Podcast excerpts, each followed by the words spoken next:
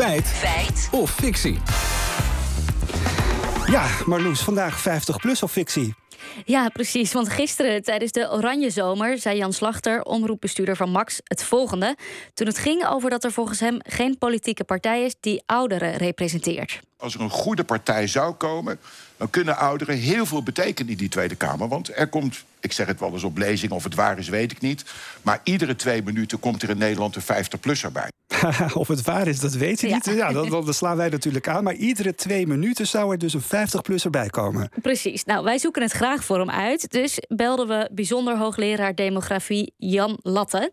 En we vroegen hem hoe je zoiets eigenlijk berekent. Ik heb eh, gekeken naar de bevolkingsstatistiek van het CBS. En dan kun je precies zien hoeveel mensen van 50 jaar en ouder er dit jaar in Nederland leven. Bovendien hebben we de prognose voor het jaar 2024. Dan kun je zien hoeveel mensen van elke leeftijd, ook van 50 plus totaal, er leven in 2024. Nou ja, als je dan de totalen vergelijkt, dan kun je zien hoeveel mensen erbij komen van 50 plus. Ja, nou, dan weten we in ieder geval hoe we de uitspraak kunnen controleren. Oké, maar we houden de spanning er nog even in. Stel dat het klopt, dan is het echt wel een flink grote groep aan het worden.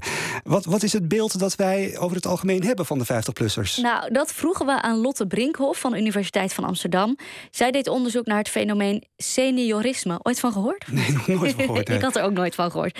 Maar zij vertelt hoe de jongere generatie tegen 50-plussers aankijkt. Een van de meest voorkomende stereotypen is toch wel dat ouderen traag van begrip zijn en niet meer bij de tijd. Dat maakt bijvoorbeeld dat mensen de neiging hebben om iets op kinderlijke toon uit te gaan leggen. Maar ook het stereotype dat ze bijvoorbeeld geen kennis meer zouden hebben eh, over huidige gang van zaken. Ja, daarmee hebben mensen vaak het gevoel dat ze niet meer serieus genomen worden of dat er niet meer naar ze geluisterd wordt. Oh, en wat, wat doet dat met mensen als je zo gezien wordt? Nou, dat doet best wel veel met je, zegt Brinkhoff. Er zijn ontzettend veel negatieve gevolgen. Dus er zijn steeds meer onderzoeken die laten zien dat mensen die vaak te maken krijgen met seniorisme, dat die eh, een verminderde lichamelijke gezondheid hebben, slechtere mentale gezondheid. Seniorisme is ook geassocieerd met bijvoorbeeld verminderde kwaliteit van leven, verminderde zin in het leven. En er zijn verschillende ideeën over hoe dat komt. Maar de theorie die zeg maar het meeste bewijs ook heeft, is voortdurende blootstelling aan dergelijke negatieve stereotypen en vooroordelen.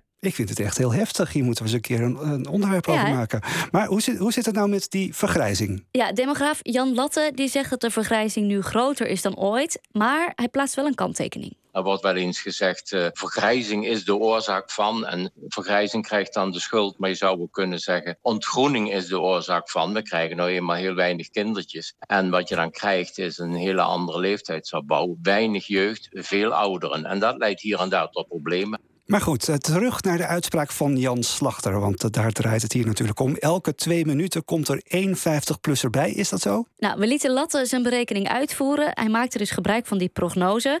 Want daarin wordt ook rekening gehouden met sterftegevallen en met migratie. Volgens de berekening zoals ik hem heb gemaakt, is de groei te hoog ingeschat. Want eh, ik kom erop uit dat er ongeveer elke 6 à 7 minuten één 50-plusser bij komt. Zeg maar 9 per uur en geen 30 per uur.